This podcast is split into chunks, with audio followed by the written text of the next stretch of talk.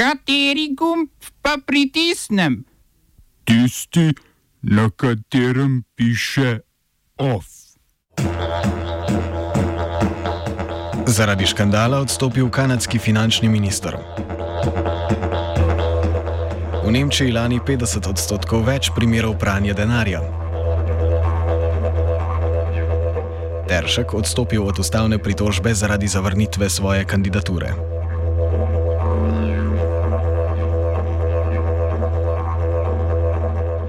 Pozdravljeni. Kanadski finančni minister Bill Monroe je danes po noči odstopil.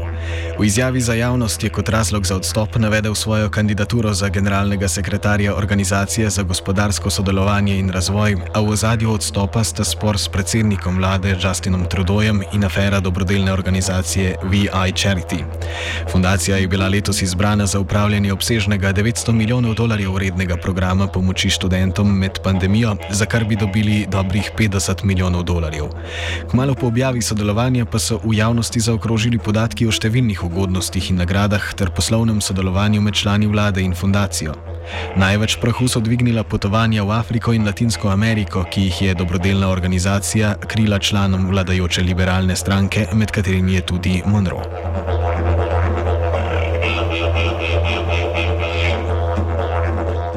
Vroče pa ni le v sobanah kanadske vlade, ampak tudi pri njihovih južnih sosedih v Združenih državah Amerike. V najbogatejši ameriški zvezdni državi Kaliforniji so podjetja za dobavo elektrike sporočila, da ne morejo več slediti porabi, zato so uvedla vsakodnevne enurne izklope elektrike za svoje uporabnike. Povečanje rabe energije zaradi klimatskih naprav in težave z dobavo so v državi povzročili tudi primankljaj energije, ki ob viških porabe znaša že 4400 MW, kar je dvakratnik celotne slovenske slovenske porabe električne energije. Nenapovedane in neusklajene ustavitve dobave elektrike so razjarile prebivalce, ki razmere primer, primerjajo z energetsko krizo, ki jo je v državi pred 20 leti povzročila deregulacija energetskih podjetij. Na odklope elektrike se je že odzval tudi guverner Gavin Newsom, ki je za težave okrivil slabo pripravljenost upravljavcev električnega omrežja. Po njegovem mnenju se takšni odklopi za državo kot je Kalifornija preprosto ne spodobijo.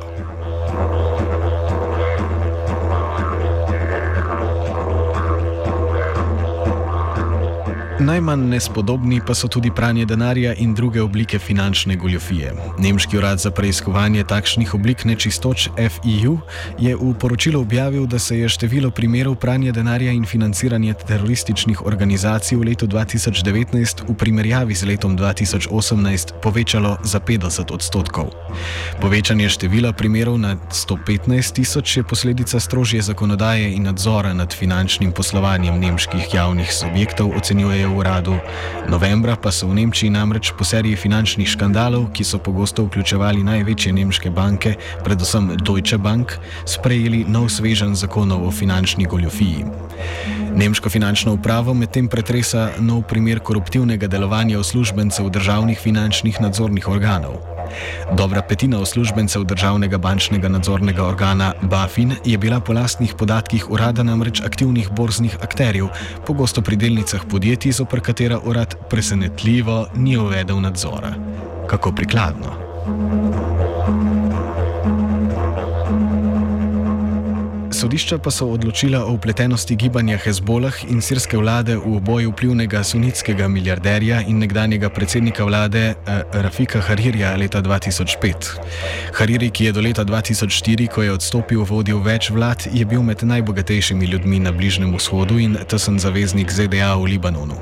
Njegov umor leta 2005, ko je umrl v samomorilskem bombnem napadu, je sprožil val protestov, ki je iz Libanona izgnal sirsko vojsko in povzročil menjavo oblasti oblasti. Za njegov umor so njegovi podporniki obtožili gibanje Hezbolah in sirsko vlado, čeprav sta oba upletenost zanikala. Mednarodni tribunal v Hagu je danes v sodbi petim sodelavcem gibanja Hezbolah tem zanikanjem pritrdil ter sirsko vlado in vodstvo gibanja Hezbolah oprav upletenosti v napad. Čeprav se sodišče strinja s tožilstvom, da sta tako Hezbolah kot sirska vlada imela motiv za umor, ni nobenega dokaza, da bi bila v umor upletena. Kariri je imel poleg tega v Libanonu veliko sovražnikov, ki bi po mnenju sodišča lahko izvedli napad. Oba, če bom odgovoril na angliški. Slovenija will try to help. We can Slovenija will and we will do our utmost to say that the situation is our problem ourselves. and uh, We will make further steps as soon as the conditions are bomo vlado Marjana Cererja, Mira, Marjana Cererja Šarca podprli. uh, very very serious. we know how and we will.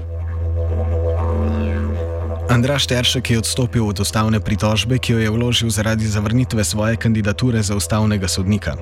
Teršek je pritožbo vložil potem, ko poslanci na tajni seji niso potrdili kandidature. Kot neustavno je v pritožbi označil tako možnost oddaje neveljavne glasovnice kot tajnost glasovanja samega.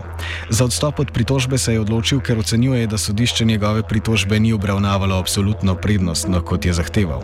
Zaradi tega meni, da pritožba ne bo ustrezno obravnavana do poteka postopkovnega roka za novo kandidaturo za ustavnega sodnika, ki se izteče 11. septembra.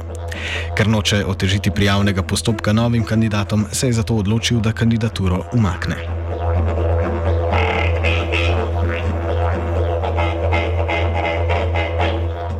Nejasnosti glede prihodnih vladnih ukrepov za preprečitev širjenja virusa je nekoliko razjasnila ministrica za izobraževanje Simona Kustec. Ministrica je potrdila, da se bodo po načrtih ministrstva 1. septembra v šolske klopi vrnili vsi učenci in dijaki. Vrnitev k pouku bo potekala po tako imenovanem načrtu B, ki predvideva vrnitev vseh učencev v upoštevanju varnostnih ukrepov. Ministrica je sicer pustila odprto možnost za zaostritev pogojev po tako imenovanem načrtu C, ki predvideva polovični obisk šol.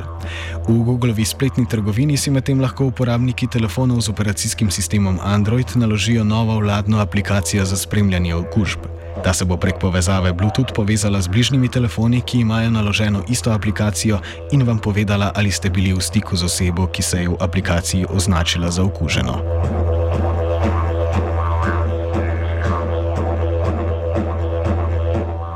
Pri Olimpiji Ljubljana, slovenskem nogometnem prvoligašu in enem izmed letošnjih slovenskih predstavnikov v nogometnih evropskih tekmovanjih, pa so se očitno odločili, da pri naslednjem streljanju 11 metrov ne bodo potrebovali božje pomoči.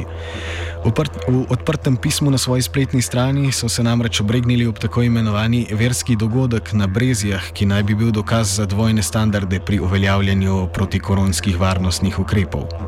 V klubu zaradi pozitivnih testov peščice igralcev velja karantena, kar pomeni, da zdravi, neokuženi igralci kljub negativnim testom ne smejo skupaj trenirati. V klubu so prepričani, da odgovorni, predvsem NJZ, s tem delajo nepopravljivo škodo klubu in celotnemu slovenskemu nogometu, saj se ne morejo pripraviti na prihajajoče državno prvenstvo in nastope na evropskih tekmovanjih. Odgovorni so pozvali, da preučijo ukrepe, ki so jih na verskem dogodku na Brezjem sprejeli odgovorni, saj so prepričani, da lahko manj kot 20-članska nogometna ekipa spoštuje enaka pravila kot več kot 3000 vernikov,